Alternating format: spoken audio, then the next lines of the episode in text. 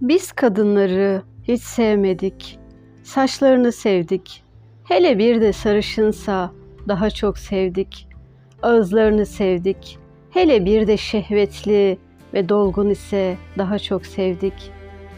Göğüslerini sevdik. Bacaklarını sevdik. Hele bir de sütun gibi ise bayıldık. Kalçalarını sevdik. Gerçekten güzel vücutlu ve çıtırsa daha çok sevdik.'' Yolda, arabada, televizyonda, internette onlara hep baktık. Her yerlerine iyice ve dikkatle baktık.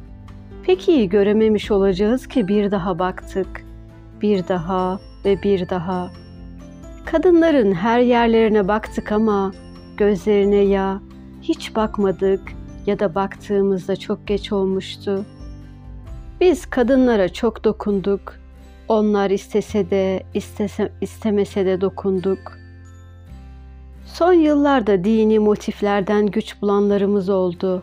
Eh, yozlaşan toplum ve geç gelen hatta hiç gelmeyen adalet olunca da 13-14 yaşındaki çocuklara bile dokunmaya başladık. Sapık damgası yemeği göze alanlar bile şaşırdı.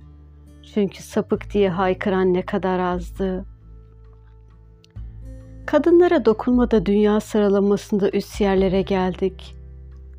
2900 itibariyle rakamlar oldukça umut verici. Yüzde kırkını sürekli dövdük. Yüzde kırk beşine duygusal şiddet uyguladık. Küfür, hakaret, küçük düşürme. Yüzde on altısına zorla sahip olduk ve olmaya devam ediyoruz. Tüm bunlara maruz kalan her üç kadından biri intihara kalkıştı ama biz hiç oralı olmadık. Hem bize ne değil mi? Fener ya da Cimbom maç kaybedince çok üzüldük ama kadınlar söz konusu olunca pek oralı olmadık. Yüzde dokuzuna daha masum birer çocukken bile dokunduk. Ama onlar hep sustular. Çünkü konuşsalar kimse inanmazdı. Kim bilir neler yaptın ki sana tacizde ya da tecavüzde bulundu amcan ya da komşun. Bu da sana ders olsun türünden tepkiler görecekti. Ama bu ders o kadar acıdır ki biz erkekler bilemeyiz. Bizlere sorduklarında yüzde yirmi beşimiz bazı durumlarda kadın dövülür demeyi doğal bir şey gibi dile getirdik. Yüzde elli beşi erkekler ile tartışmayı bile saygısızlık sanıyor artık.'' %36'sı kendisi para kazansa bile parasını nasıl harcayacağına karar veremeyeceğine inanmış ya da inanmak zorunda kalmış. %52'si erkek kadından sorumludur diyecek kadar kadınlığını unutmuş ya da unutturulmuş. %49'u erkek ne zaman isterse bana sahip olabilir.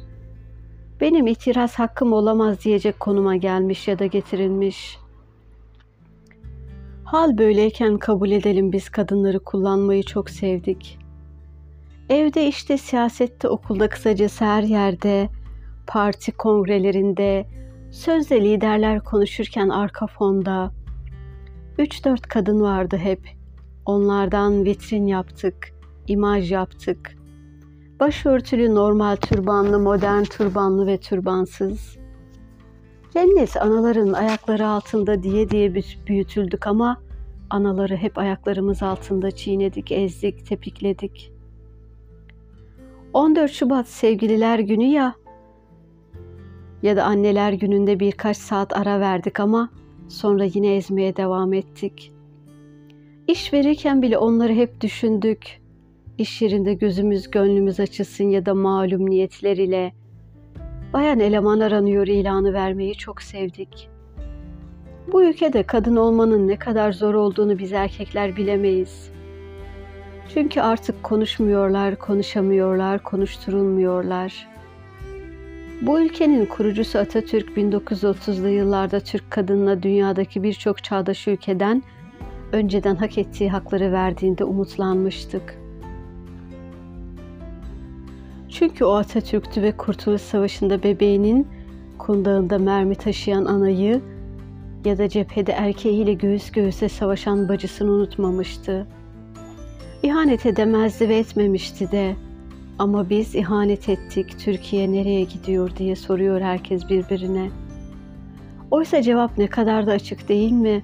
Türkiye hızla ve şekle karanlığa gidiyor. Hatta koşuyor. Çünkü kadın yok oluyor, yok ediliyor. Benim annem, kız kardeşim, sevgili kızım yok oluyor. Kadını yok olan ülkenin gideceği yol bellidir. Karanlık ve onursuz bir gelecek.''